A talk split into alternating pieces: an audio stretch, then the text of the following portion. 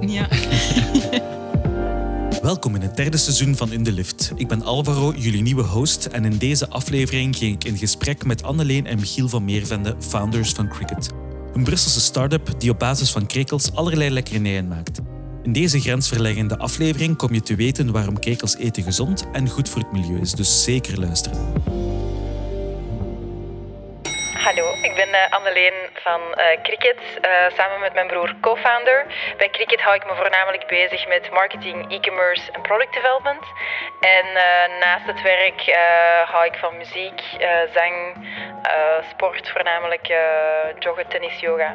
Ik ben Michiel, de andere helft van Cricket, co-founder. Ja, ik doe eigenlijk een beetje van alles bij Cricket, maar voornamelijk sales, finance een ehm, beetje logistiek, supply chain en uh, alle andere dingen die moeten gebeuren. Als er tijd over is naast uh, cricket, dan ben ik graag buiten op mijn fiets. Ik volg ook een opleiding sommelier. Ehm, dus ik ben sowieso wel echt een heel cliché foodie. Um, en ja, ben ook wel een grote muziekliefhebber.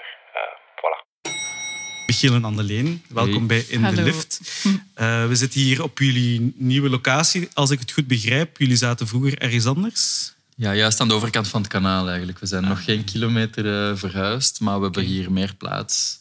En okay. uh, ja, het is ook een beetje goedkoper. dus dat is ook niet onbelangrijk. Ja. En uh, ja, nee, um, we zitten hier nog maar een weekje, maar... We, ah, nog maar een, een ja, week? echt, echt net, net verhuisd. We zitten tussen de dozen. We Oké, moeten ons oké. nog installeren. Ja. Ja. Oké, alright. En uh, meer plaats, dus dat betekent dat jullie ook uh, goed bezig zijn dan waarschijnlijk. Um, ja, nu, voordat we daarop verder ingaan, krekels, what's up with that? Uh, ja, hoe kwamen jullie op het idee? Ja, hoe is het eigenlijk allemaal ontstaan? Um, mijn vorige job was een journalistenjob eigenlijk. Dus ik schreef voornamelijk, ik heb dat vijf jaar gedaan, ik schreef over voeding, klimaat, milieu, landbouw, die thema's. En um, ja, uiteraard het thema van vleesconsumptie en duurzaamheid. Dat is natuurlijk een hot topic al heel lang. Uh, dat gaat al even mee. Uh, maar het heeft zo wel een stroomversnelling gekend de laatste vijf, ja, zeven, acht jaar. We hebben dagen zonder vlees en zo gehad, vijf, zes jaar geleden. Uh, zelfs Jeroen Meus kookt af en toe vegetarisch Ja. nu. Dus dat is echt een thema dat heel mainstream is geworden. Dus ik schreef daar ook veel over. En op een bepaald moment, eh, als het dan gaat over alternatieve eiwitten, heb je dus heel het plantaardige verhaal. Maar op een bepaald moment heb ik ook een reportage gemaakt over insecten als alternatief. Ja. Um, en op dat moment was er in Brussel uh, eigenlijk de eerste Belgische krekelkwekerij. We zaten in Brussel. Ik um, ben daar een reportage gaan maken. Dat was eigenlijk fantastisch. Dat waren drie bio-ingenieurs die uh, in een of andere kelder uh, in oude pizzadozen krekels aan het kweken waren. Dat was Ja. heel DIY, um, heel low budget. Um, maar ja, uh, zij waren de eerste. Hè. Dus uh, er was helemaal nog geen handleiding hoe dat, dat juist allemaal Ja. in elkaar zat. En ik vond dat meteen een fantastisch verhaal. Ze vertelden mij hoe duurzaam krekels zijn, eh, hoe gezond krekels zijn. Alleen kan daar misschien direct nog wat meer over zeggen, ehm, in detail. Ehm, en ik heb ze daar toen ook voor de eerste keer geproefd. Ik had daarvoor ook nog nooit insecten geproefd. Ik vond dat eigenlijk kei lekker. Ja, en ja. wetende, want ik was zelf toen ook wel heel veel met duurzaamheid bezig in mijn voeding. Wetende dan dat het zo duurzaam was en zo gezond, dacht ik van oké, zalig. Ehm, ja, dit heeft eigenlijk alle voordelen van vlees. Ja. Maar het heeft een enorm lage impact. Um, dus best of both worlds. En ja, ik weet nog toen op het einde van die reportage vroeg ik hen van ja, en ja, verdienen jullie daar dan ook iets mee? Hè? Of liggen jullie in winkels enzovoort? En ja, toen was er zo'n beetje een awkward silence. Uh, het is te zeggen, ze waren echt aan het struggelen daarmee. Um, Ja. Dus ja, ze waren net met dat proces bezig om die krekels in leven te houden en om die ja, de, kweken. Uh, maar de vermarkting was heel moeilijk. Dus het commerciële gedeelte, het waren ook bio-ingenieurs, dus dat was ook helemaal niet een specialiteit. Maar ik ben daar naar buiten gewandeld met een soort ja, frustratie van hoe kan het nu? Zoveel mensen zijn op zoek naar alternatieven. Dit is blijkbaar een fantastisch alternatief, maar ik vind dat nergens in de winkel. En niemand weet daar, weet daar iets over. Dus en zo is het eigenlijk een beetje begonnen. Heel geleidelijk aan beginnen over nadenken. En met Anneleen ook samen nagedacht van hoe kunnen we dat nu naar een breed publiek brengen? Wat is eigenlijk de missing link? En uh, ja, zo is, zo is de bal aan het rollen gegaan eigenlijk. En hoe zijn zij daar zelf, dus die kwekers, daar, daarmee begonnen? Wa- waarom was dat in het kader van research? Of, of... Ja, ik- dat was echt een studentenproject. Hè. Dus dat was op alle mogelijke manieren heel studenticoos, eh, dat project. Dus ja, die waren net afgestudeerd, effectief. Eh, er was één, Rafael, eh, die was op zijn kamer. Toen, op zijn studentenkot, was die krekels beginnen kweken. Maar dat liep een beetje uit de hand. Die krekels zaten over heel dat appartement na een tijd. En dus dan zijn ze er echt voor gegaan. Hè. Dan hebben ze echt een locatie gehuurd. Hè. Dus die kelder waarover dat ik sprak. Ehm, en, en, en zijn ze dat geleidelijk aan beginnen, beginnen opschalen. Super dapper, hè, want ik zeg het, eh er was nul kennis over hier in België. Dus ze hebben dat allemaal eigenlijk ja, heel Echt DIY. ja. Absoluut, ja. Ja, ja. En ergens is dat ook wel eh, allee, de typische situatie. Wat dat dan vaak gebeurt, is dat de pioniers dan vaak net iets te vroeg komen. Hè. Dat is Ja, de- ja. De, de kost die ze dan betalen, Mhm. de prijs die ze betalen. En dat is bij hen ook jammer genoeg geweest, dus ze bestaan niet meer. Hè. Ze zijn ermee gestopt. Eigenlijk ja, eh, te vroeg in die markt. Maar die markt die was er eigenlijk nog niet. Maar het is wel dankzij hen ehm, dat wij doen wat dat we doen vandaag. Dus shout-out naar Nicolas en Ja. Rafa en Maite. Van. En hoe heette hun bedrijf toen? Of? Little Food. Little Little Food, Food. ja. Oké, ze zijn echt volledig gestopt. Niemand Ja, is... eh, ja, ze zijn gestopt. Ehm, ja, eh, ik weet dat eh, Nicolas nog altijd insecten kweekt voor een, voor een ander bedrijf. Mhm. Ehm, dus die gaat nog wel een beetje verder erin. Maar nee, Little Food as such bestaat niet meer. Oké. Nicolas en Rafael, het is het moment. Hè. Het is tijd om terug te komen. Absoluut. En op de website staat dat Anneleen ja, de ideale partner in crime was. Eh, ja, ik denk dat we elkaar een beetje, een beetje aanvullen. Ehm, ja, ik denk dat Michiel vooral ehm, een heel goede storyteller is. Eh, een beetje de, de visionair of de, ja, degene die, die heel erg de visie uitdraagt. Ehm, en ik ben heel pragmatisch, ehm, down to earth. En denk dat dat juist het, eh, het goede evenwicht eh, houdt tussen ons. Ja, ja, ja. Ja, en op nog veel andere manieren ook, denk ik. Allee, het, heeft, het heeft ook wel een voordeel als broer en zus dat je best wel direct kunt zijn. Veel mensen gaan dan zo direct uit van oei, eh, broer en zus, allee, is dat dan niet meteen ruzie? Hè? Of, maar eigenlijk vind ik dat soms net makkelijker. Ja. Ehm, ja, je kunt, je kunt eigenlijk wel... Allee, alles kan gezegd worden. Als dat zelfs niet met je broer en je zus kan, ja, dan... Dus, dus ik vind dat zeker wel een, wel een voordeel. En ehm, ja, we komen uit, uit een zelfstandige nest. Ah ja. Dus, eh, dus we hebben zo wel die getting things done eh, Ja. Mentaliteit heb ik wel meegekregen. Ik denk Anneleen misschien zelfs nog meer. Anneleen is echt zo'n mega goalgetter. Ehm, dus ja, dat, dat, dat is iets wat, dat, dat is wat dat je nodig hebt in, in een start-up natuurlijk. Hè, want Exact. eh, er, er moet zoveel gebeuren en je moet aan zoveel denken. Ja. Dat dat, dat ja, een van de belangrijkste eigenschappen is dat je kunt hebben in een start-up, denk ik. En eh, wat deden jullie ouders dan? Of wat voor een bedrijf hadden zij dan? Ja, eigenlijk eh, best nog wel een grappig verhaal. Ik had het er gisteren nog met iemand over dat, we, dat ik mezelf soms voel, ik weet niet dat dat bij u ook zo is, Michiel, als de volgende generatie van. Want dus onze ouders die kweken eh, kippen. Oké. Ehm, ja, op, op, op grote schaal eigenlijk. Ja. Dus dat zijn, dat zijn vleeskippen. Ehm, maar toen, toen zij startten, was dat eigenlijk ook een, een nieuwe eiwitbron. Eh. Naast de, de koeien en de varkens waren zij van de eerste die kippen eigenlijk ja, op industriële schaal, op heel grote schaal zijn beginnen kweken in Vlaanderen. En op die manier waren zij op dat vlak een stukje pioniers. Eh, want ja, ik weet niet of dat je dat weet, maar kip bijvoorbeeld heeft een veel lagere impact dan koe of varken. Ja. ja. Ehm, en als je kijkt naar, naar allee, dat stapsgewijze proces van meer impact op het milieu naar minder impact op het milieu, ehm, komt de krekel en de insecten komt dan na de kip. Ja. Ehm, dus in die zin wel ja, een mooi of een grappig vervolg eigenlijk, dat dan de volgende generatie de volgende stap zet ja, naar een nog duurzamere vorm van eh, eiwit. Ja. Dus krekels zijn de nieuwe kippen. Ja, zoiets. Eh, zoiets. Ehm, ja, ik, de- ik, denk, ik denk het wel. Ehm, zij zijn dat toen destijds niet per se begonnen uit duurzaamheidsoverwegingen of zo. Nee. Maar achteraf gezien is dat wel grappig. eh, dat, dat dat, inderdaad... eh, Ja. ja, eh, dat dat mooi netjes op elkaar volgt. En, en het heeft ergens ook wel, op zijn minst ook bij mij, is dat ook wel de reden waarom dat ik doe wat ik nu doe. Het heeft mijn bewustzijn heel veel eh, geprikkeld. Ehm, ja, ik heb mij al van vrij vroeg veel vragen gesteld van, ja, maar wat doen ze eigenlijk en hoe doen ze dat eigenlijk? En ja, je, je kijkt erop, hè, je groeit erin op.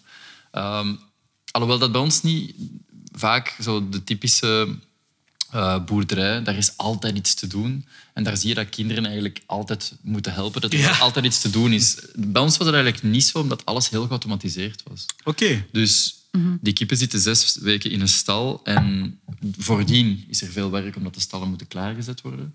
En nadien moeten ze leeggemaakt worden.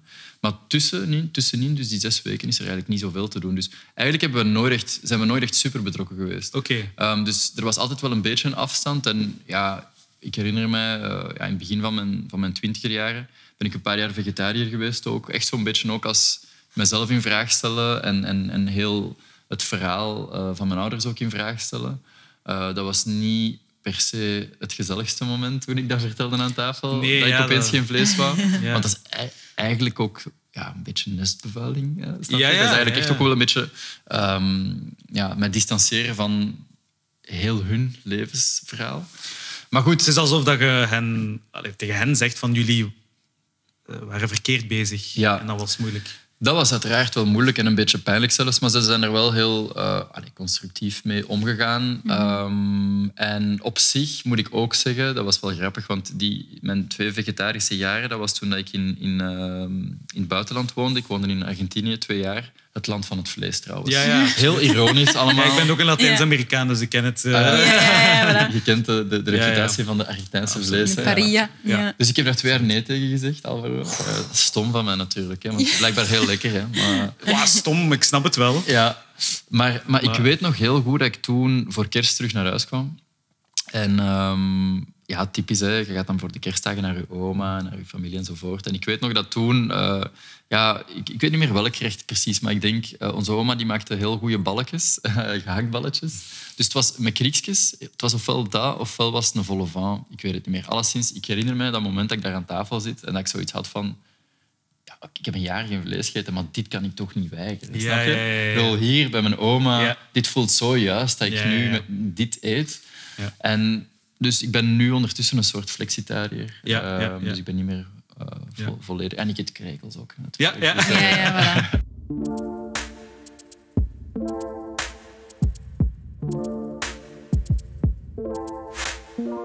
Eten jullie vaak krekels? Dat, horen jullie waarschijnlijk Ja, iedere keer. dagelijks wel, eigenlijk. Ik, Ehm, Ja? ja? enerzijds omdat ik ja, onze producten gewoon lekker vind. Dus Ja, ja, hier op kantoor, als ik zelf een notenpannen tussendoortje, dan, dan neem ik een reepje. Ja. Ehm, als ik geen tijd heb om s ochtends te ontbijten, dan ontbijt ik hier op kantoor met wat granola of als vier uurtje.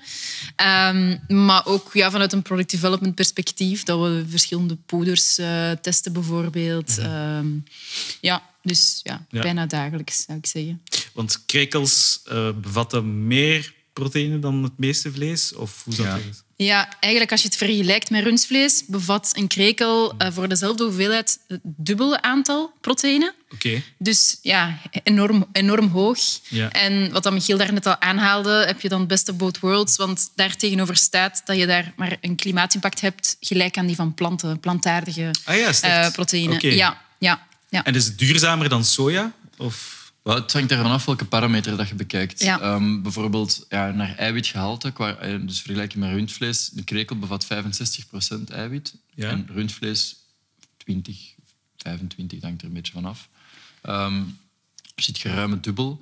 Als je bijvoorbeeld kijkt naar CO2-uitstoot, als je daar gaat vergelijken, eh, dat is 100 keer efficiënter dan rundvlees ook. Ja. Dus dat is ook een heel groot verschil. Water is waarschijnlijk het meest indrukwekkend. Dus Ja. een krekel hoeft eigenlijk niet te drinken, haalt zijn vocht uit zijn vaste voeding, zeg maar. Oké. Ehm, dus wat geeft dat in cijfers? Ehm, het verschil met rundvlees is factor 2000. hè. Dus voor dezelfde hoeveelheid eiwitten heb je 2000 keer minder water nodig, krekels versus rundvlees.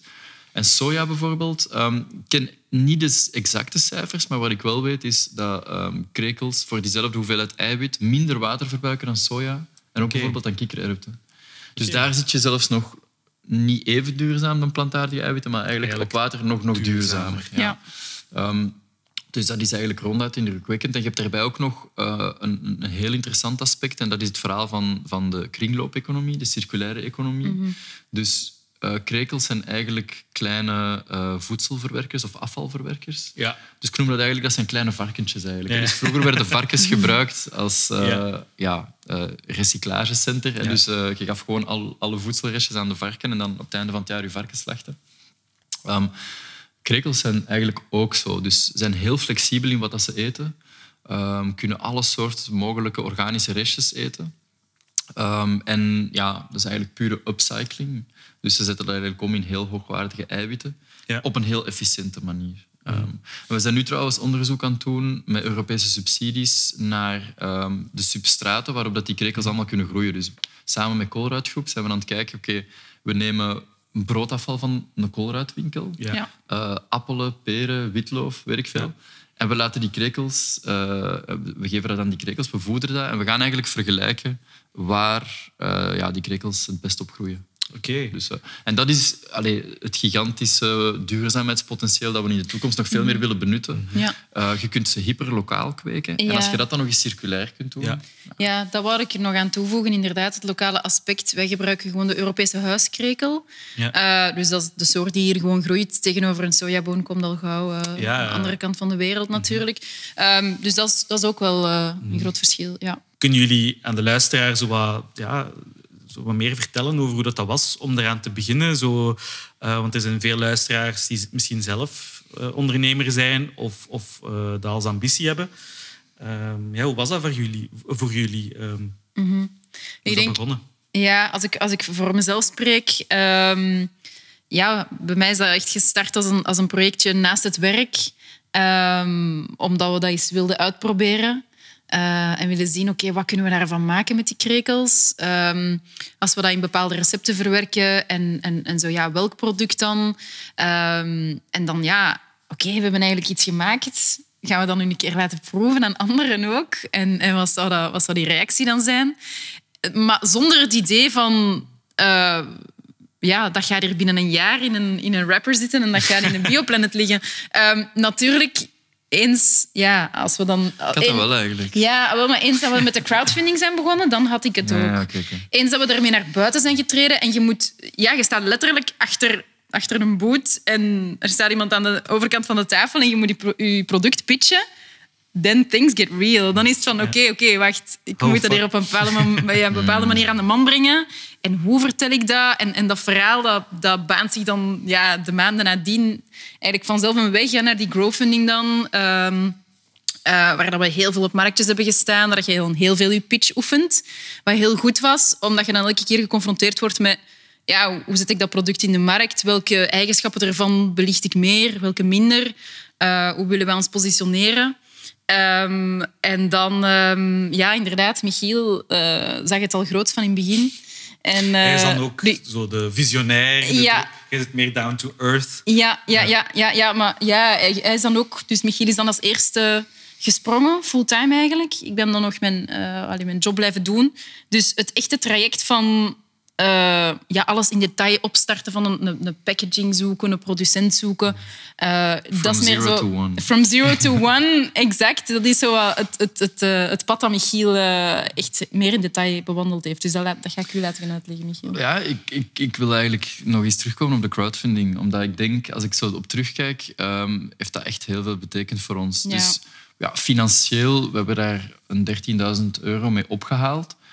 Achteraf, als je echt een groeibedrijf bent, dan is dat een, klein bedrag. Als het ja. echt gaat over een, een onderneming die groeit, dat is, dat is weinig.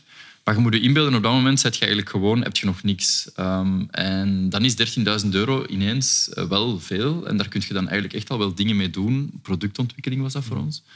Ehm, maar je hebt een platform om te communiceren. Dus bij ons was dat dan... Oké, ja, er is ineens die challenge. We hebben acht weken tijd om 13.000 euro te vinden. Allee, het doel was 12.500, maar Ja. het is dan uiteindelijk meer dan 13 geworden.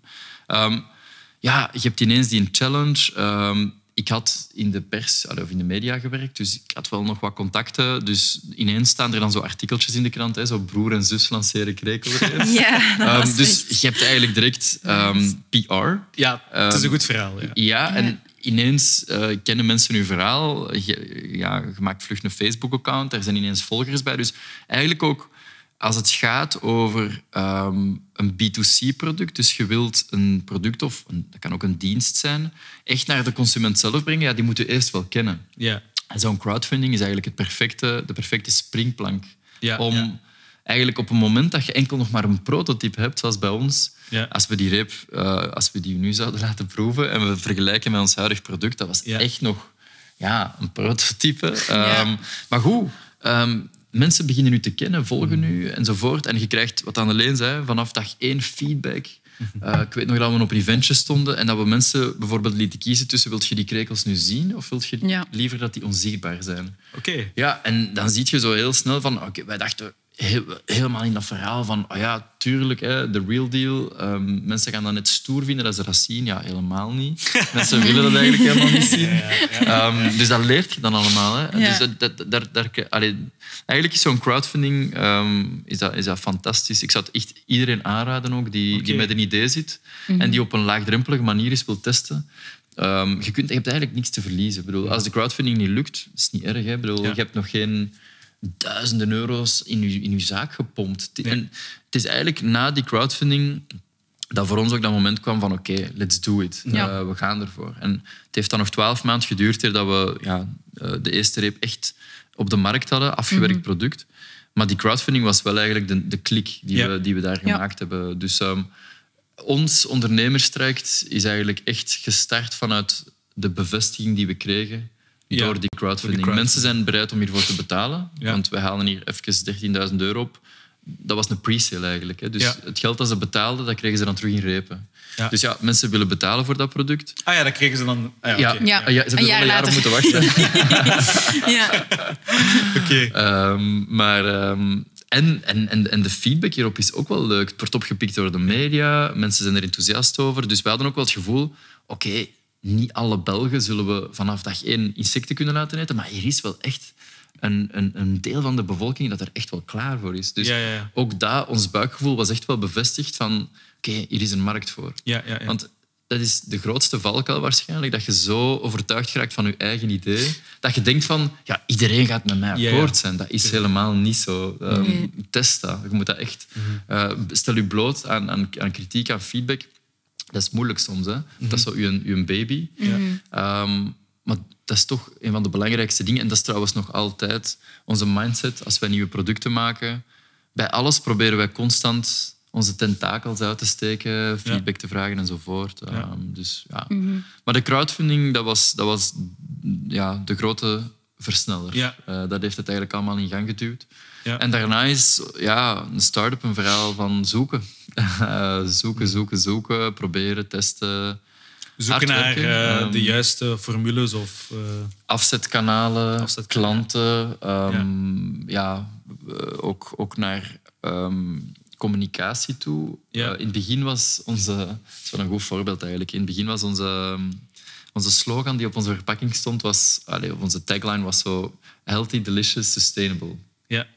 Ja. Ehm, ja, dat is veel te vaag natuurlijk. Ja, Ik ja, ja. bedoel, Heel veel producten zullen wel zeggen van we zijn healthy. En tegenwoordig zeggen ze ook allemaal dat ze sustainable zijn Ja. en healthy enzovoort. The smartest choice out there. Ja, ja, ja, ja, ja. Zo de smartest bar. Mm. Ehm, Ja. Wat dat misschien ook achteraf een beetje zo te bedweterig Ja, zo. Maar goed, maar alleszins, Ja, ja. dat was heel vaag. Dus wat wat dat, wat- allee, een groot deel van de zoektocht is ook van hoe moeten we die boodschap nu brengen? Wat maakt ons nu eigenlijk echt uniek? Ja. Wat, is ons bestaan, wat is ons bestaansreden en ons bestaansrecht? ja. Ehm, dus ja, dat is wel een belangrijke zoektocht eh, geweest. En ongoing.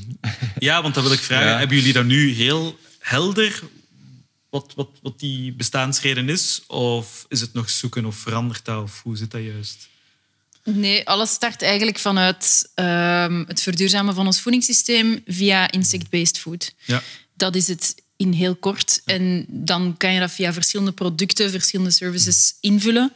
Ehm, en we proberen daar ja, een beetje voor elk moment van de dag een, een, product tegenover te zetten. Ehm, zonder onze identiteit te verliezen, de speelsheid, de creativiteit, de openheid. Ehm, het gesprek aangaan, eh, eigenlijk. Wat we daar juist zeiden, je leert enorm veel van die crowdfunding. Nu, het leuke aan insect-based food is, aangezien dat zo nieuw is, zelfs al willen mensen niet proeven, het brengt een gesprek op gang. Ja, ja. En, en dat is deel van, van die missie ook, is het een beetje uitdragen van dat, van dat idee en van, van iets nieuws. Eh, op dat vlak ja, proberen we onze rol ook wel goed te spelen. Dat we mensen informeren over wat insect-based food kan zijn, ehm, wat dat inhoudt. Eh, ja, gewoon de, die nieuwsgierigheid. Mensen babbelen daar graag over. Dat is een, dat is een Ja, ja. eh, goede conversation starter. Ehm, Ja, en allee, we hebben nu, om terug te komen naar de tagline, onze nieuwe tagline is Different is Good. En ik denk dat dat wel... ehm, ja, nu zitten we denk ik allee, toch al een heel stuk dichter bij de core van wat dat we uiteindelijk losmaken bij mensen. Exact. Waar dat het eigenlijk om gaat, is dat je mensen iets nieuw laat proeven. Ja. Dus iets wat dat ze nog nooit hebben gegeten of nog nooit hebben geproefd. En wij hebben geleerd, omdat we al heel veel tastings hebben gedaan, vooral voor corona, dat ligt nu even, dat is even wat minder. Maar dat moment dat je ziet wat dat je bij mensen in hun hoofd ziet gebeuren, ehm, eigenlijk van angst, afschuw, afkeer naar twijfel, zou ik het doen? Ja, ja, ja. Ja. Naar dan toch proberen, zichzelf pushen, Ja. naar dan zo een soort wauw-moment van ik heb dat gedaan. Dus echt eigenlijk Ja, ook, over ook- u. Ja. Persoonlijke overwinning. Ja, een persoonlijke Het is ook avontuurlijk. Ja. Absoluut. En het is eigenlijk zo, ja, dat is echt exact wat je zegt, Alvaro. Dus dat, zo'n micro-avontuurtje, Ja, ja. dat moment dat je voor de eerste keer proeft, en dat geeft mensen een boost. Dat geeft mensen een, een gevoel van zelfvertrouwen soms bijna. En ook zo van, wauw, ik ben hier deel van de oplossing. Mm. Want ik durfde het niet, alhoewel dat ik wist dat duurzaam en gezond en weet ik veel was, maar ik heb het toch gedaan. Yes. Ehm, en dus dat gevoel zo van probeer eens iets anders en hoeft daar niet bang voor te zijn. We, brengen dat zoals Annelien zegt op een leuke, laagdrempelige manier. Ook geen opgestoken vingertje of zo. Gewoon chill. Ehm, ja, dat werkt wel. Dat hebben we wel gemerkt. Ehm, dus die nieuwe tagline, Different is Good. Drie O's trouwens, om zo good. Ehm, dat, dat, dat, is echt, dat is echt eigenlijk waar dat we voor staan. Eh, en ja, wat dat goed is voor u, dat, is, ja, dat betekent lekker. Maar daaronder zit voor een stukje wat dat goed is voor u, dat is, dat is ook gezond. Ehm, en, en, en duurzaam zit daar eigenlijk ook wel onder. Dus die vorige eh, begrippen die we, hadden, die we hadden op onze verpakking staan, we hebben die zo wat ge- allee, in, in die goed gestoken. En ja, meer nu alles gebouwd rond het feit, die ervaring, zo die experience, Ja. die, ja, dat verleggen van die grenzen. Mij doet het denken aan reizen door Azië en ineens zoiets te zien. Ik ben nog nooit in Azië geweest, maar ik heb het al gezien. Eh, en dan daar eten ze ook krekels volgens mij en Ja. eh, andere insecten. En dan is dat zo van... Ik kan me inbeelden... eh, Als ik naar China zou gaan, ik zeg nu maar zoiets, en, en er zouden krekels liggen, ik zou zo ook zoiets hebben van... "Mm, ik moet dat toch geproefd hebben. En Ja. misschien ga ik twee weken lang diarree hebben, maar ik, wil het, ik wil die avontuur aangaan. En, en, eh, en ik denk dat jullie daar wel in zijn geslaagd om dat zo naar België te brengen. En om, om eh, ja, een mini-avontuurtje hier eh, in de Bioplanet. eh, en hopelijk overal later. Ja, want waar, waar kun je het nu vinden? Dus in de Bioplanet heb je daar juist gezegd. Ja, Bioplanet, ehm, ook in Ice Adventure. Ehm, Ah ja, ja, Ah, daar, ik heb het daar al gezien, ja. ja, daar verkopen we ook de hele krekeltjes. hè. Dat is de meest avontuurlijke snack die we hebben. Ja, ja, ja. Ehm, dus dat past daar wel perfect bij dat publiek, denk ik. Ja. En dan AVV eh, verkopen we ook. Ehm, Farm, dat zijn de, de Brusselse biowinkels. Eh, en dan, Ah, dat is daar in de, eh, zijn kat. eh, ja, zijn kat onder andere. Ja. Ja, ja, want ze hebben er ondertussen een, een tiental of vijftiental zeker zelfs. In Leuven ook al. Dus die zijn Ah, ook wauw. wel al ja, aan het uitbreiden. Ehm, en dan ja, heel veel kleine onafhankelijke biowinkels ook. Ehm, dus ja. En online. En ja, online, ja, op webshop. jullie website. Ja. Ja. Oké. Ja.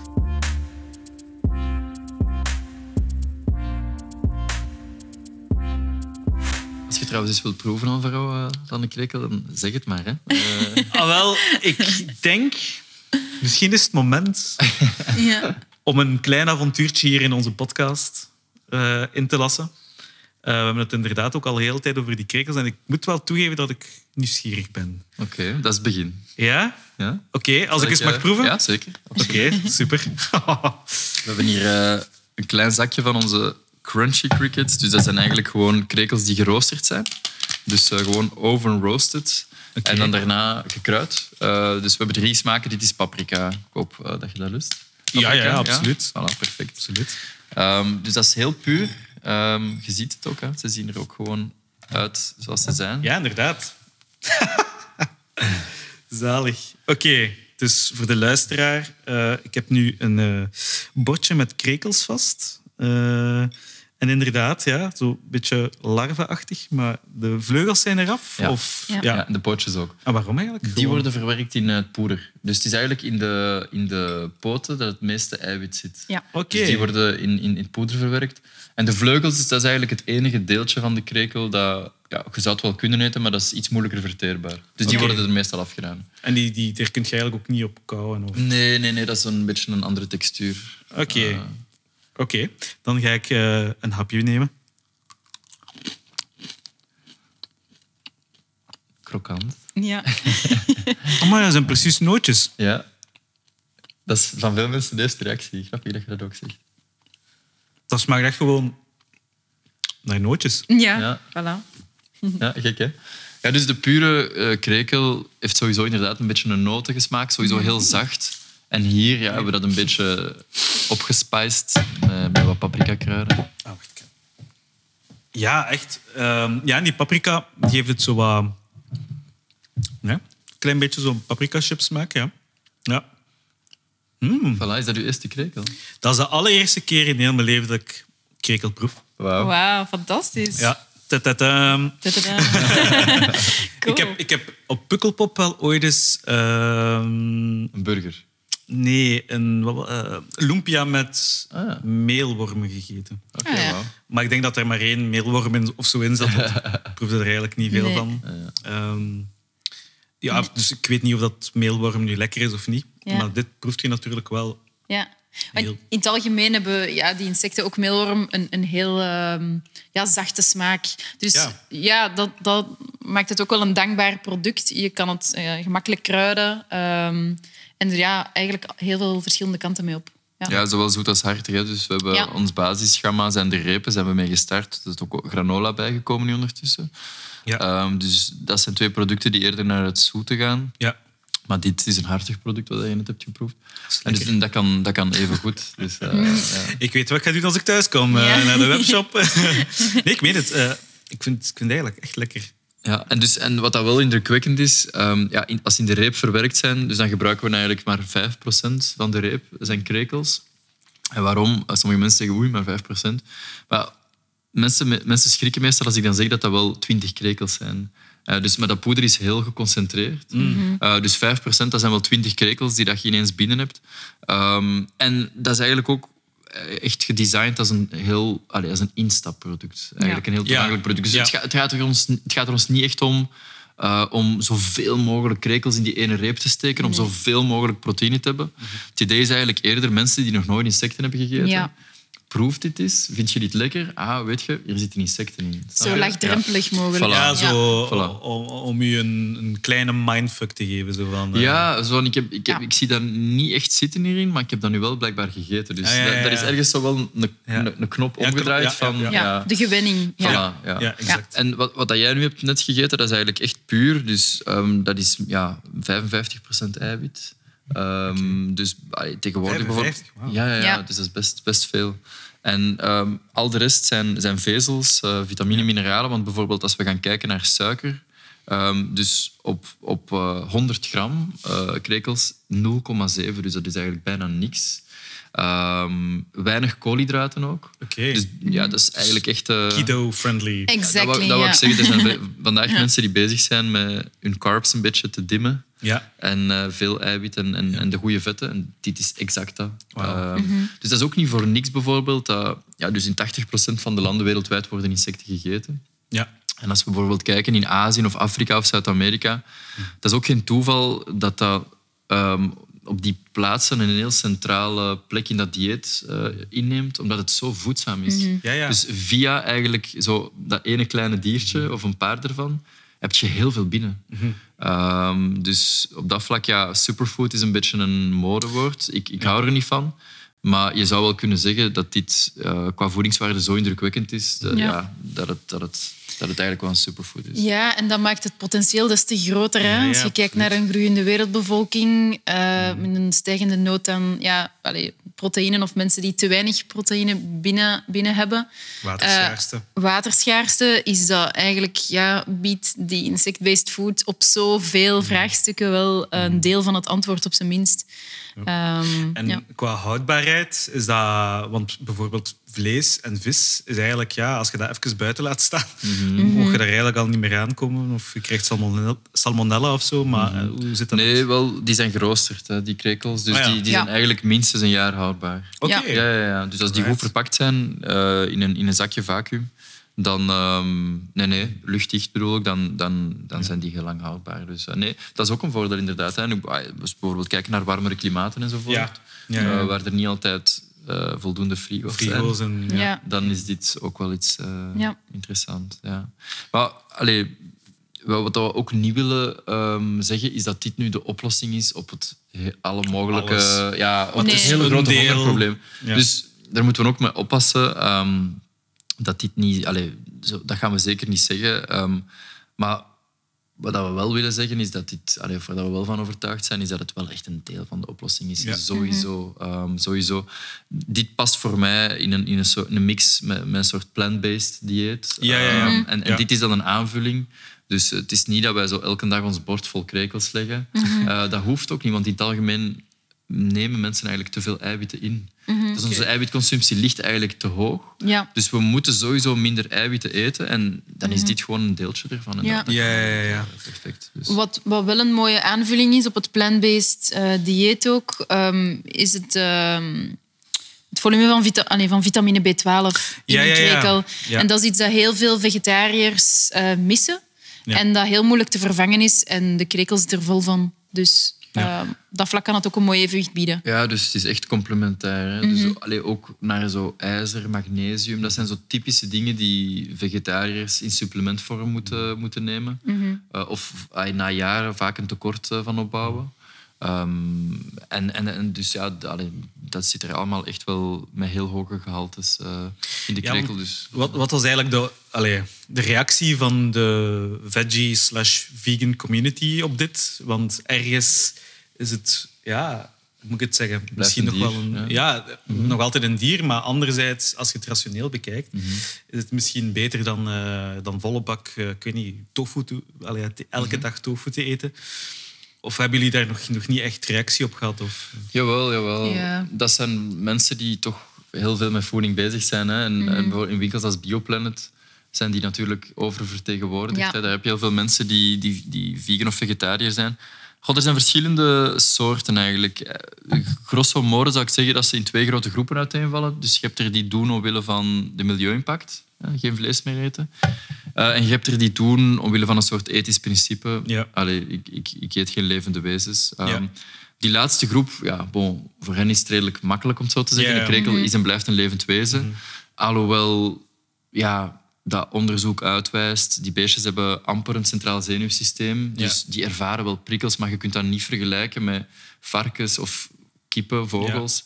Of, of koeien die wel zelfs een emotioneel bewustzijn hebben. Ja, ja, ja. Dus dat hebben krekels niet. Maar goed, het is en blijft een levend wezen. Dus Ja. allee, can't argue, I can't argue with them. Maar ehm, de mensen die het doen omwille van milieu-impact, Ja. ja, die zijn wel heel snel overtuigd. Allee, of die zijn wel vaak overtuigd. Zo dat best of both worlds, dat vinden zij natuurlijk fantastisch. Want dat is eigenlijk hetgeen waar ze op zoek zijn. Dus ik, ik wil eigenlijk geen, geen impact, of een laag, zo laag mogelijk impact. Maar ik heb voedingswaarde nodig. Ja. En dus voor hen is dat wel eh, Ja. vaak een goede oplossing.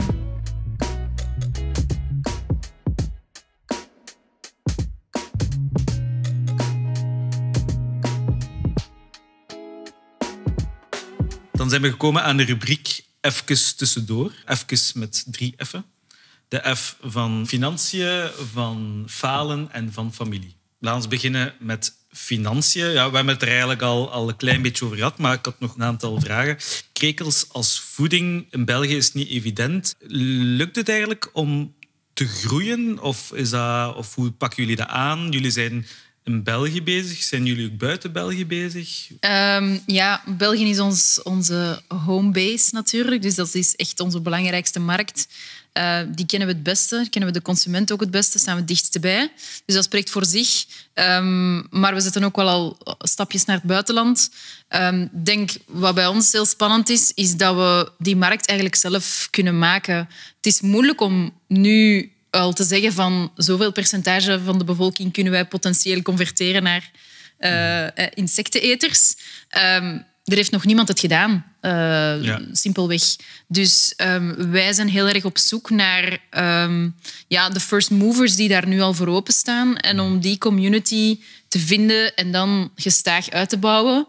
Um, vandaar onze bewuste beslissing om ook eerst in het biokanaal te gaan. Daar zit net die consument die net wat bewuster consumeert en nadenkt over waarom eet ik dit, um, wat ligt er op mijn bord. Dus dat was voor ons een beetje een no-brainer.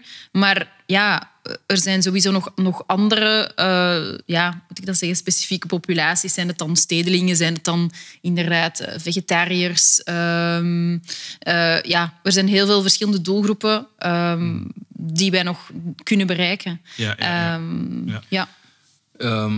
Ja. als, als, we echt, allee, als we echt zo even heel hard inzoomen op de financiën. Um, wij groeien, dus dat, is, ja. dat is wel positief nieuws natuurlijk. Ja. Uh, we hebben eigenlijk um, vorig jaar um, ja, een heel dubbel jaar gehad. We hebben de grootste groei tot nu toe gerealiseerd. Okay. ongeveer, dank u, een goede 35 procent. Anderzijds, ja, wat het jaar voordien uh, iemand aangenomen om mee onze verkoop te doen. en ja, dat is eigenlijk wel echt dubbel, want ja, we zijn wel snel gegroeid, we zijn wel gegroeid, maar we zijn eigenlijk niet snel genoeg gegroeid. Okay. Waardoor dat we nu zo'n beetje op het punt komen van oké, okay, de foodsector is een business waar dat je echt volumes moet draaien, omdat de marges mm -hmm. heel laag zijn. Mm -hmm. um, en die volumes die zijn er nog net niet voldoende om die persoon ook te kunnen houden. Dus ja, we hebben die moeten laten gaan, wat dat heel jammer is. En dat is waarschijnlijk zo een van de ja, de pijnlijkste dingen dat je kunt doen als start-up, omdat je bent een heel klein hecht team, je bent zo'n mini-family. Ja. Um, en je neemt iemand aan ja, omdat je vooruit kijkt en omdat je optimistisch bent. En je gaat ook vooruit, maar je gaat niet snel genoeg vooruit. Dus dat was wel hard. Mhm. Um, dus dat was wel moeilijk. Um, hetzelfde, uh, hetzelfde voor marketingverhaal. Daar hadden we trouwens daar hadden we ook iemand fulltime. Mhm. Um, en daar merk je, als kleine start-up heb je niet de grote marketingbudgetten om die hele grote campagnes te Ja, doen. ja, ja. En om daar dan veel return en, en awareness en naamsbekendheid uit te krijgen. En dan hè, next step sales. Uh, ja, wij hebben niet de Mondelez of de, ja, die, die uh, budgetten natuurlijk. Dus ja, dat was ja, Mhm. langs twee kanten eigenlijk... Uh, een, een ontgoocheling eigenlijk wel voor ons. Hè. Ja, Uh, ja, ja, Ja, zeker en vast. Dat, dat, was in, dat was inderdaad wel moeilijk, uh, want allee, het is sowieso wel... Um, ja, financieel is de grootste uitdaging voor een stuk. Hè. Allee, we zijn gestart met een crowdfunding.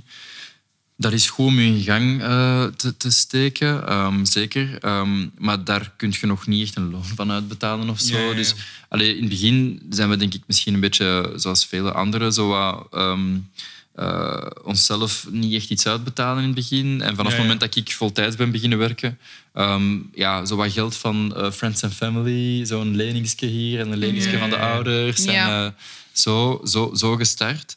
Um, in 2020 um, hebben we zo de eerste grote move gedaan op vlak van financieel. Uh, dus toen wisten we eigenlijk van oké, okay, de winkels waar dat we nu liggen, daar marcheert het. Hè. Dus we hadden eigenlijk vertrouwen in onze product market fit. Dan hebben we gezegd, oké, okay, nu willen we groeien, het is tijd om gas te geven. Um, we hebben dan Colruyt Groep aan boord gehaald als aandeelhouder. Dus ze hebben geïnvesteerd in ons. Ja. Um, wat dat, ja, wel een cool compliment was op zich, dat zij in ons geloofden. En ook natuurlijk naar de toekomst toe een sterke partner. Uh, ja, marktleider uh, in België, in, in de food retail. Um, een gigantisch groot huis met heel veel mensen die alles weten van logistiek tot productontwikkeling, sales, marketing, financiën, noem het op. Um, dus een grote steun voor ons. En ook financieel op dat moment. Um, voilà, en dan komen we een beetje op het punt van daarjuist. We hebben dan uh, twee mensen aangenomen. Um, ja, Ja. Ondertussen daar een beetje reality check gekregen van oké, okay, die hebben bijgedragen tot onze groei. We zijn ook gegroeid, maar niet snel genoeg. Dus nu is het weer zo wat eh, opnieuw eh, eh, ja, een nieuwe way of working zoeken. En dat is echt verhaal van start-up trouwens. Hè. Dus echt ne- altijd net op het moment dat je denkt van oké, en nu, hebben we, nu, nu zijn we vertrokken Ja. en dus nu zitten we Weer de juiste. Dan, dan moet je eigenlijk jezelf weer opnieuw uitvinden. Ja. Dus ja, ehm, je hebt wel een goed batterijke nodig als Ja, je zo in een start-up zit, want je moet wel echt veel... eh, Ja, ja, dat zal wel. ja, Ja. ja. Maar allee, ik denk wel ehm, dat, we, dat, we, dat we fier mogen zijn op, op, op de groei dat we altijd jaar na jaar hebben gerealiseerd. En ik denk voor dit jaar ehm, zijn we ambitieuzer dan ooit. Ehm, dus ehm, we gaan het over, een- over, over een maandje of, eh, of 11, 12 eh, Ja. gaan we het kunnen zeggen of dat onze ambities eh, gelukt zijn. Maar Ik eh, zal dan terugkeren. ja, ah, wel. eh, kom nog eens langs en dan zullen we nog eens wat krekeltjes klaarleggen. Ja. Hebben jullie misschien financiële tips en tricks voor eh, luisteraars die misschien zelf, eh, ja, ik weet niet, plannen hebben om een start-up te starten? Ehm, Lessons ja. learned. Goh. Ja, Iets heel basic, denk je gewoon think things through en eh, geen enkele kost uit het oog verliezen. Want ja, in een, in een product ja, moet je niet enkel je foodkosten rekenen, maar ook alle andere dingen die erin gaan en die je ja, misschien in de eerste plaats niet aan denkt. Ehm, dus ja, ik denk dat kostenplaatje echt heel erg gedetailleerd een zicht op krijgen. Ehm, is, is enorm, enorm belangrijk. Maar Eh, tegelijkertijd ook, ook genoeg eh, experimenteren daarmee. ja, Ja, dus ja. u niet verliezen in gigantische Excel-tabels, eh, maar ook gewoon allee, out of the building gaan en, en proberen. Mhm. Ook naar prijszetting toe. Gewoon, eigenlijk, wat dat je nodig hebt om een onderneming te starten, is een klant die wil betalen voor je product. ja. Ja. Ehm, voilà. En je kunt achteraf nog wel tweaken hoeveel dat hij juist moet betalen. Maar hij moet, hij, moet bereid zijn om dat te betalen. exact. Dat is Dus de start van alles. ik, ja. ik zou zeggen, begint heel kleinschalig. Ehm, denk niet direct, eh, ik, ik ga een gigabedrijf maken en ik zie direct gigantisch groot. Groot denken is, is waar dat u vooruit duwt. Dat is ergens uw benzine om je droom waar te maken. Maar dat is niet wat, dat u, wat dat je in het begin van, dat je dagelijks moet doen. Eigenlijk. In het begin moet je dagelijks bezig zijn met heel, op heel kleine schaal het eh, testen. Ehm, en voor mij geldt dat ook wel financieel. Ehm, je hoeft niet direct ik praat hier een beetje tegen zo de, de, de, de, de stemming van tegenwoordig. Allee, ook in Vlaanderen is zo meer en meer de tendens van we moeten zo meer de Silicon Valley mentaliteit hebben. Ja, ja, ja. Voor een stuk moet je durven. Hè. Wij, zijn, wij zijn uiteindelijk ook wel eh allee, bold in ons statement van... Dus je moet bold zijn, dat wel. Maar financieel vind ik niet dat je per se vanaf jaar één eh, honderdduizenden of miljoenen euro's moet gaan ophalen. Eh, want tegenwoordig wordt je succes daar een beetje aan afgemeten. Ja, inderdaad. Maar dat Die is funding dat, rounds. Ja, dat wordt zo'n prestigestrijd op zich. Ja. Ehm, maar dat is niet alleszeggend. Integendeel. Dus ja, op financieel vlak ehm, durf groot dromen, maar begin, begin klein. Ja, Sorry dat uw eh fond goed zit. ja. Ja. absoluut. En ehm, ja, zorg dat je je er ook goed bij voelt. Ehm, voor sommige mensen gaat dat heel chill zijn om te zeggen van ik heb hier drie leningen tegelijkertijd openstaan. Andere mensen gaan daar heel nerveus van worden. Dus ken jezelf daarin ook. Ja. Dus dat is ook wel belangrijk. Hoeveel risico wilt je nemen? Ja. Eh, hoeveel stress krijg je van onzekerheid? Financieel ook. Hè? Ja. Eh, want dat doet wel iets met u. Ja. Dat dus op een bepaald moment neemt je financiële risico's. Ehm, ja, je moet het dan wel gaan waarmaken. Hè? Want er is iemand anders aan de andere kant van de tafel die wacht op je geld. Ja. Ehm, dus ja, of dat dan nu een crowdlending is, waar dat je, waar dat je een, een lening eh, aan, aan 250 mensen mee afsluit. Of, of bij de bank of bij je ouders. Uiteindelijk, je moet het wel ooit teruggeven. terug- hè? Dus je hebt een verantwoordelijkheid. Dus ken jezelf daarin ook. Ehm, Ja. en als dat leningprincipe bijvoorbeeld minder iets voor u is, dan moet je misschien meer gaan nadenken. Oké, maar dan verkoop ik een deel van mijn aandelen. Ja. Uh, dus dan is equity misschien eerder. Dus doe ook introspectie daarin, zou ik zeggen. Uh, Ja. je, kunt dat niet per se allemaal van in het begin weten, maar neem daar misschien niet direct zo een gigastap in, Ja. zodat je zelf voor voldongen feiten Ja. zet. Klinkt als een zeer goede tip. Dan gaan we naar de F van falen. Want bij ondernemen hoort falen. Eh, Zeker. Jammer genoeg, maar ergens, ja. het falen leert je. Ehm, ja, wat zijn zo wat lessen die jullie hebben getrokken uit misschien kleine of grote fouten die jullie hebben gemaakt de afgelopen jaren? Ehm, Ja, Wil veel, jij direct aan iets denken? Hmm, ja, ik, ik denk... ehm, een van de eerste allee, fouten, die eigenlijk ook wel een beetje gelinkt is met mijn persoonlijkheid, maar die dat je moet strikt scheiden van je, van uw onderneming of van je, van uw project, is dat je ehm, iedereen wil blij maken. Ehm, Ah, ja. Daar moet je mee oppassen. Het is te zeggen, dat kan een valkuil zijn. Dus in het begin weet ik nog dat bij die eerste reep, ehm, toen vroegen mensen mij bijvoorbeeld, ah, mag ik dit meegeven eh, aan mijn kind van de naar de lagere school? Of eh, is dit een fitnessreep? Of eh, weet ik veel. Heel verschillende toepassingen. En ik zei overal ja op. Ik zei, ja, dit is iets voor u, dat is perfect. Want, en ik vond altijd wel, goed. ik vond altijd wel één angle aan Ja, ons product dat, dat inderdaad paste. Ja. Maar eigenlijk verliest je jezelf daar dan in. Hè? Want je- staat eigenlijk voor alles, maar dat wil eigenlijk zeggen tegelijkertijd voor niks. Dus je moet echt heel bewust zijn van het feit dat je bepaalde... ehm, ja, Zo positioneer ik mij. En Ja. dit zijn wij en dit zijn we ook niet. voilà. En daar durven we vooruitkomen. Ja. maar dus dat is echt soms kill your darlings natuurlijk. Hè? Want soms ehm, zet je bij een bepaalde doelgroep, voelt je dat je daar wel wat verkoopt of zo. Maar soms moet je zeggen, sorry, maar ik moet mij focussen. eh, mijn branding en mijn, mijn verkoopstrategie en de winkels waarin dat ik wil liggen, die is niet helemaal afgestemd op jullie. Ook al zie ik dat ik af en toe ook eens een bestelling krijg van jullie, Ja. eigenlijk zie ik dat ik veel meer bestellingen krijg van die andere groep. En daarop ga ik focussen. Dus Ai, ik, ik heb die fout in het begin, allee, wat, het voorbeeld daar juist ook dat we zeiden, zo healthy, delicious en, en zo heel breed. Ehm, en dat is eigenlijk, houdt u dat tegen in de plaats van dat u dat vooruit helpt. Want ehm, ja, het, het weerhoudt u ervan om duidelijke keuzes te maken. En weten waarvoor dat je staat, dat heeft een impact op in alles wat dat je doet in je start-up. Dus sales. Alleen nee, ervoor begint met je marketing, ik zal het in de juiste volgorde zeggen. Dus eh, voor marketing komt productontwikkeling. Productontwikkeling, ja. Welk product maakt je? Ja, oké, ja je kunt kre- je kunt- wij kunnen krekels in alle producten steken, Ja, want dat is poeder. Hè? Dus allee, we zouden alles kunnen mee maken met krekels. Maar we kiezen ervoor om een reep te maken en een granola, omdat we denken dat dat past bij de doelgroep die we targeten. Snap je? Dus eh, dat is productontwikkeling, daaruit volgt dan uw marketing en daaruit volgt dan uw sales ehm, en, enzovoort. Dus denk dat dat, allee, dat is wel een fail eh, dat we in het begin hebben gemaakt. En met de rebranding vorig jaar hebben we die denk ik wel eh recht getrokken. Maar dat is in progress constant. Hè. Eh, Dat zijn growing pains, denk ik. ja, en dat kan zijn dat dat met nieuwe producten weer anders is. We gaan Ja. een reep op de markt brengen die meer naar een sportpubliek gaat. Dus dat is weer een beetje een andere positionering. Dus ik denk dat dat belangrijk is.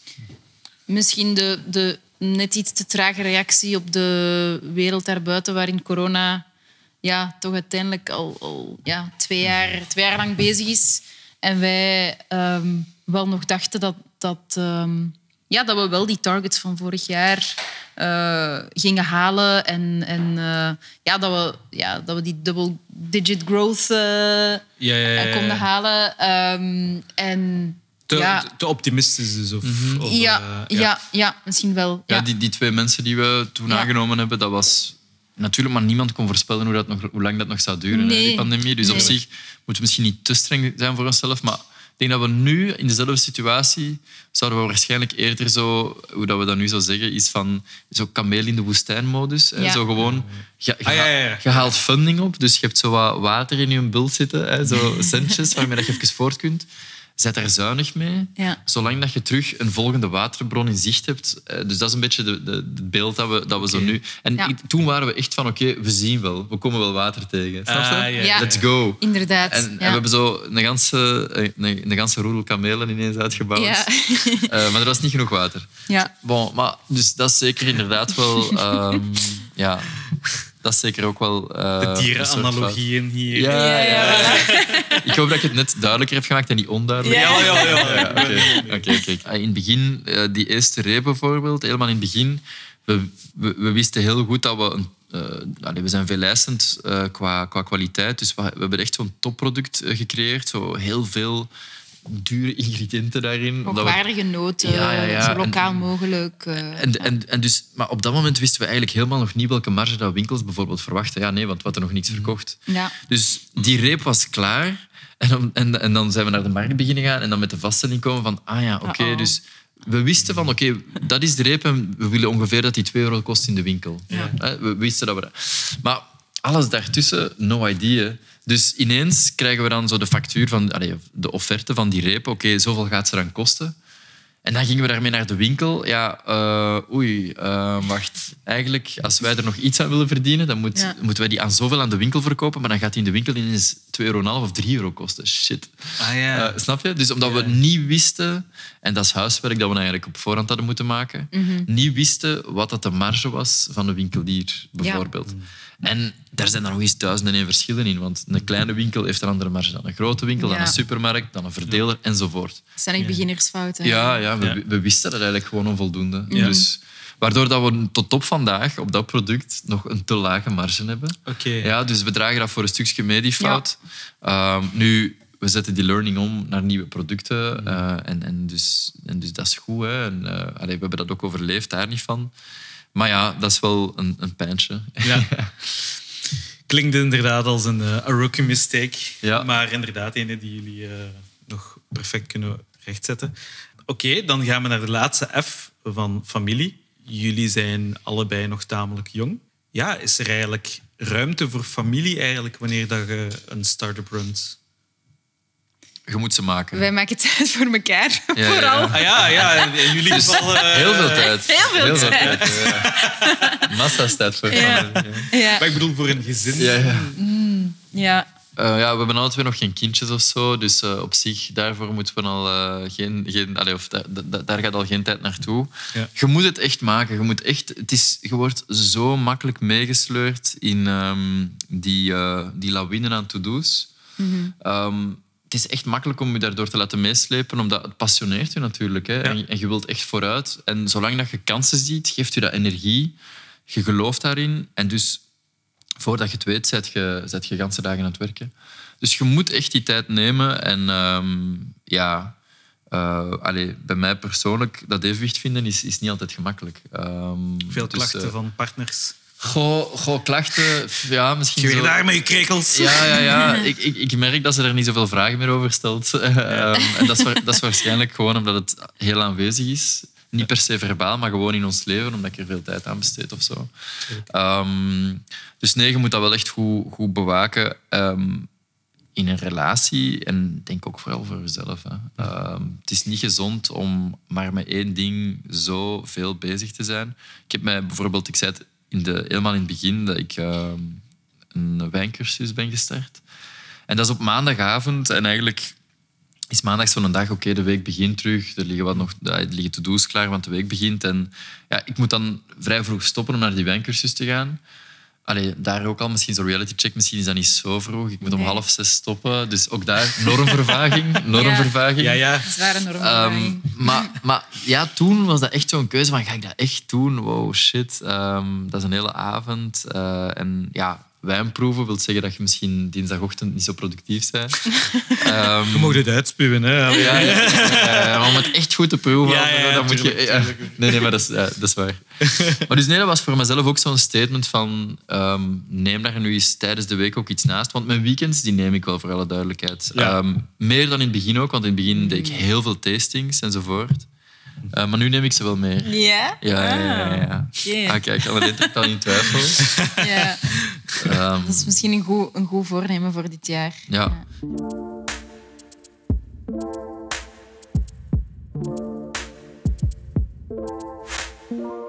De toekomst, broeden jullie op wilde plannen? Of hoe zit dat bij cricket nu? Mhm, Ja, ehm, ja world, world domination. nee, wat dat we dit jaar willen doen... Allee, op de lange termijn... eh, ik vind dat een hele leuke doelstelling eigenlijk die we hebben. Ehm, een belangrijke milestone voor ons gaat zijn. Dus we hebben eh, in 2021 voor het eerst een marktonderzoek gedaan naar hoeveel Vlamingen eigenlijk al insecten hebben gegeten. Dat wisten we eigenlijk niet. Wat, eh, van tasting zo wel een soort gevoel van... Oké, een paar mensen altijd wel. Ja. Ehm, maar het blijkt 34% te zijn. Ah ja, toch. Ja, dus dat is best wel veel eigenlijk. Hè? Dat is meer dan een derde. Heeft al eens, heeft al eens insecten gegeten. En zo, ons doel is eigenlijk om van de mensen die het nog niet hebben geproefd, om daar een minderheid van te maken. Snap je? Ja, dus om ja. zo snel mogelijk naar 50% te gaan, zodat de mensen die het nog niet geproefd hebben eigenlijk de minderheid zijn. Ja. Dus dat is zo de horizon waar dat we naartoe willen. Ehm, dus wij willen ons bereik vergroten. Eh, we willen meer producten op de markt zetten die naar een breder publiek kunnen gaan. Ehm, en voor dit jaar specifiek ehm, gaan we een sportreep lanceren. Ehm, Ja. Dus we kregen die vraag van in het begin, hè, eh, wat ik daar juist ook al zoiets zei, van, is dat nu een fitnessreep? Of... Dat is eigenlijk, de huidige reep is een soort allrounder, een soort gezond tussendoortje, zoals Ja. een Granny of een Sultana. Enfin, veel lekkerder dan, dan natuurlijk. Maar, ehm, maar nu willen we een reep maken die echt wel heel specifiek naar sport gaat. Ja, wat is het verschil dan? Ehm, meer eiwitten. Ja. En, ja, Nog meer? Ja, nog meer. Ja. Dit, dit zit qua eiwitten ja, hoger dan een gemiddelde snack. Op 5,5 gram per Ja. 30 gram. Maar, maar nog, niet zo, nog niet zo hoog als een echte energy bar, een echte protein bar. Dus eh, de bar dat we gaan maken, dat gaat echt een protein bar zijn qua gehalte. Dus veel, eiwit, veel eiwitten. En ja, veel energie ook. Hè. Dus eh, iets dat je kunt meenemen als je een lange fietstocht maakt. Eh. Als je, Ja. weet ik veel, lang gaat lopen, wandelen, klimmen, whatever. Ja. Ehm, dus ja, nieuwe producten blijven lanceren. Ehm, dit jaar die, ehm, die repen. We hebben nog andere ideeën ook voor, voor, voor, voor daarna, voor volgend jaar waarschijnlijk. Ehm, ik denk dat dat allee, belangrijk is, nu op, op, op korte of middellange termijn. En voor mij ook wel persoonlijk is ehm, zo financieel gezond. eh, Ja. Dus naar een break-even punt gaan. We Ja, zijn ja. op dit moment nog niet winstgevend. Eh, maar we zijn wel die richting op aan het gaan. Dus Mhm. Denk dat dat voor ons in de toekomst echt ook zo'n huge milestone gaat zijn. Zo het punt waarop dat we zo kunnen zeggen van oké, We we're it. flying solo. Ja, ja, ja. Ja. Ehm, Ja, dus, ja. eh, Inderdaad. Ja. Ja, en op, op salesvlak, als ik daarbij bij aanvul, ehm, gaan we volop inzetten op e-commerce dit jaar. Ehm, niet alleen naar, naar verkoop en, en marge toe is dat, is dat een interessant kanaal voor ons. Eh, maar ook vooral naar, naar datawerving toe. Ehm, echt ja, die, die cricketeer van het eerste uur leren kennen. Wie zijn die mensen eh, dat, we, dat we nu al kunnen bereiken en hoe kunnen we die, ehm, ja, die groep meer en meer uitbreiden. Niet alleen in België dan, maar eh, ja, online is het heel gemakkelijk om ook over de landsgrenzen heen te kijken en, eh, en daar eh, onze customer base uit te bouwen. Ja. Ja, want hebben jullie nu concurrentie in België? Of zijn jullie de enige? Ehm, in onze productcategorieën mm, zijn we de enige. Ja. Ehm, er zijn nog wel een paar merken ehm, die met insecten bezig zijn. Ehm, ja, shout-out naar Yuma, Gabriel. Eh, die, Ja, die, die, die maakt eh, hele leuke en lekkere crackers. Maar dat is ja, een soort aperitief eh, cracker. Oké, ja. Ja. Dus ja, dat, is, dat is geen concurrentie. En eigenlijk bekijken, denken we ook nog niet in termen van concurrentie, want Ja. we zijn die markt samen aan het maken. Dus Ja. dat is zo het, het cliché, maar het klopt. Liever een klein stukje van een grote taart dan een groot stuk van een kleine taart. Ja. Dus, dus wij moeten mensen nog volop educeren en, Ja. en leren krekels en insecten eten. Dus, en hoe, hoe meer dan we zijn, hoe beter. En ik hoop ook altijd dat ze het goed doen. Ehm, want stel je voor dat we een bedrijf naast ons krijgen die producten maakt van een lage, slechte kwaliteit. En mensen hebben een slechte ervaring met insecten. Dat is ook slecht voor ons Ja, natuurlijk. inderdaad. Ja. Ehm, dus eh, nee, hoe, hoe meer goede concurrenten, eh, hoe, hoe beter. Mhm. In het buitenland zijn er nog wel een paar bedrijven die bijvoorbeeld ook wel repen maken. Ehm, Maar eh, er is nog veel plaats. Ja, want dat was eigenlijk volgens mij een beetje het probleem met vleesvervangers. Vroeger, weet ik nog, was dat echt niet lekker. Terwijl dat de laatste tijd beter Ja. en Mhm. Ja, beter ja, wordt. voilà. Eh, ik, denk, ik, denk dat, ik denk dat veel mensen van die vleesvervangers afbleven, Mhm. omdat ze dachten van dat gaat niet lekker zijn. Maar ja, ik denk dat dat nu... Ja, hoe groter de markt wordt, hoe meer R&D, hoe meer dat ja, heel de achterkant van die markt, laten we zeggen, ook eh, ja, zich verder kan ontwikkelen. En dat is een beetje wat we hopen dat de komende jaren met de insectenmarkt ook gebeurt. Ja, eigenlijk, eigenlijk waar dat we naartoe moeten, is, is zo het punt waarop dat ook zo de grote jongens zich, zich ermee gaan moeien. Want Ja. soms stellen mensen dan de vraag, ja, heb je dan geen schrik dat zo een Unilever of zo, dat die dan ineens gewoon zeggen, zo boom, onze insectenreep. En die hebben natuurlijk veel meer geld, dus die kunnen jullie gewoon vertrappelen. En dan eigenlijk zou dat ons mooiste compliment zijn. Ja, Ehm, dat is onze missie. Dat is eigenlijk waar dat we naartoe willen, want dat wil zeggen dat we, dat we bewezen hebben dat die insectenmarkt groot genoeg is Ja. voor zo'n grote speler om het risico te gaan wagen. Ja. Nu doen ze dat Om nog het niet. mainstream te maken. Ja, voilà. Dus nu doen ze dat nog niet omdat er nog niet voldoende markt is. Mm. Dus die gaan niet voor een kleine niche een, product, allee, hun machine op gang, op gang trekken. De dag dat ze dat wel doen, wil zeggen dat ze overtuigd zijn van, Mhm. Ja. van, van het potentieel. Ja, ja. Dus eigenlijk, ja, ehm, allee, dat zou fantastisch zijn. Als cricket niet zou bestaan, wat zouden jullie dan in de plaats doen? Kiten in Sri Lanka. Kiten in Sri Lanka, ja. Ja, alleen is juist drie weken gaan kiten in Sri Lanka. Ja. Ah, zalig. Ja. En ze zou waarschijnlijk direct teruggaan als ze Ja, ja ik, hou wel, ik hou wel van zo ja, watersporten of, eh, of avontuur. Oké. Eh, ja, Goh, goede vraag. Maar je zou je dan laten sponsoren, want dus de vraag is, ja, dat is niet gewoon Ja, een vakantie. Nee, Dus, nee, nee, nee, ik Dus moet ges- dan- gesponsord kiten in Sri Lanka. Ja. Dat is het antwoord van Anne. Ja, of iets met muziek. Ehm, maar ik denk, ik krijg heel veel energie uit eh, verschillende impulsen. Ik ben altijd iemand geweest die... Ja, vroeger ook. Ik deed, denk ik, tien hobby's en ik spendeerde meer tijd na school dan op school, eh, bij wijze van spreken. Ehm, en dat geeft mij energie, omdat ik uit al die verschillende eh, hoekjes haal ik wel iets uit. Om dat Ja. dan in een ander hoekje terug in te putten. Of ehm, ja, zo die connecting the dots vind ik heel leuk. Ja, dat zegt niks over een conc- concrete job. Maar eh, wat ik wel weet, is dat ik ehm, hou van de flexibiliteit ehm, van ja, ondernemer zijn of ja, zelf, eh, zelf beslissen waar, waaraan ik wanneer mijn tijd spendeer, is voor mij heel ja. belangrijk. Autonomie. Ja. Ja. Vrijheid. ja. Ja. Ja, ik denk wel dat ik sowieso iets in food zou doen. Oké, Ehm, ja. ja. ehm, allee, of, of, of, of, of drinks. Ehm, misschien ook. Hè. Ik, ik, zit nu, ik, zit nu, ik zit nu in de wijn. Eh, eh, nee, nou, ja, echt wel. Allee, ik, heb, allee, ik heb eigenlijk allee, ik heb taal gestudeerd en politiek. En op een bepaald moment, dat was internationale politiek. En dan, dan ging het eigenlijk... ehm, ja, dat was eigenlijk meer gericht op, eh, op ontwikkelingslanden. En dat hele hongervraagstuk, hè, zo de vraag der vragen eigenlijk, hè, Ja. zo dat duurzaamheidsvraagstuk, dat komt eigenlijk altijd op hetzelfde neer. Van hoe kunnen we hier met heel veel mensen samen op deze planeet gelukkig wonen en, Ja. en gezond wonen en duurzaam wonen, als in van hoe kan dit nog een paar duizend jaar verder gaan? Ja. Ehm, en toen ben ik beginnen beseffen dat voeding en landbouw en hoe dat we eigenlijk ehm, onszelf voorzien van, van eten, hoe dat, dat eigenlijk met zoveel dingen, aan zoveel dingen vasthangt en zoveel verschillende ehm, ja, aanknopingspunten heeft bij alles. Ehm, ik ben politiek geïnteresseerd. Ehm, ja, dat is een gigantisch eh, belangrijk aspect daarvan. Hè, want bijvoorbeeld vandaag, er is genoeg eten voor iedereen op de wereld. Het wordt gewoon niet eerlijk verdeeld. Ja, hè. er, ja. is, er is veel verspilling en er is gewoon veel slecht voedselbeleid. Ehm, heel de culturele kant die daaraan vasthangt, eh, dat vind ik ook zo fascinerend aan insecten.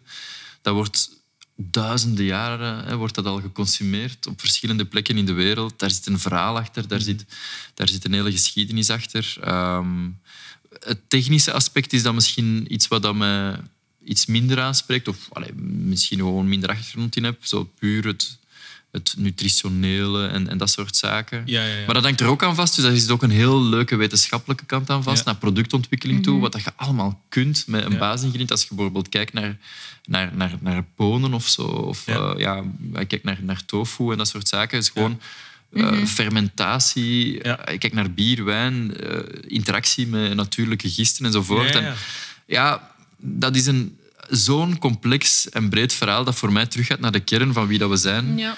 Dat dat een sector is of iets is om, om, dat, dat, mij, dat mij blijft fascineren. En, en ik voel dat dat iets is eh, wat dat diep in mij zit en wat ik op een of andere manier wel altijd mee zal bezig zijn, denk ik. Ja. Eh, Ja. ja. Ik zou daaraan nog wel de, de sociale kant, eh, kant koppelen. Dat zou ik nog wel graag doen. Ehm, Hoe bedoel je dan? ja, zo eerder de educatieve, informatieve kant. Ik ben zelf orthopedagoge van opleiding. Dus ik kom uit de sociale sector. Maar voeding is net iets wat alles samenbrengt. Hè, zoals dat Michiel hier net heeft uitgelegd. Maar het, het, simpel, eh, het simpel voorbeeld van mensen samen zitten rond de tafel... Daar, daar, daar gebeurt alles. Hè. Rond de tafel gebeurt alles. Daar, daar worden mensenlevens besproken. eh, daar wordt politiek besproken. ehm, alles. Maar het, het gebeurt wel rond een tafel. En ehm, ja, dat is, zo een, dat, is een, dat is een heel mooie gedachte om van daaruit te vertrekken. En dat sociale concept daar rond vind ik ook wel interessant. Ja. Ehm, dus, Ja, het is echt de intersectie van heel veel belangrijke dingen Mhm. in, eh, in een mensenleven en in de wereld gewoon. Ja, Ja. En, en het is ook gewoon lekker. Het is leuk om mee bezig te zijn. Ja, het geeft mensen een goed gevoel. Voilà. Ja. Ja, ja. Ja. Ik ben heel blij dat ik, eh, dat ik eh, even een klein, klein avontuurtje heb gedaan hier. Dan eh, wil ik jullie allebei heel hard bedanken. Eh, het was zeer interessant. Eh, zeker een, een dag om te herinneren voor mij. Oké. Eerste keer insecten. Ja, Ja, een mijlpaal in uw leven. Mijlpaal. exact, exact, exact. Eh, en ik wil jullie heel veel succes wensen. Ik bestel straks zeker eh, een van jullie producten, of misschien een beetje van alles. Zalig. Ja. Fantastisch. We gaan er een mooi kaartje bij schrijven. ja. super. Hartelijk bedankt. Dank u. Dag. Dit was In de Lift. Bedankt om te luisteren en abonneer je nu om op de hoogte te blijven van al onze nieuwe afleveringen. Volg ons op Instagram of stuur een mailtje naar podcast underscore in the lift at smartmediaagency.be.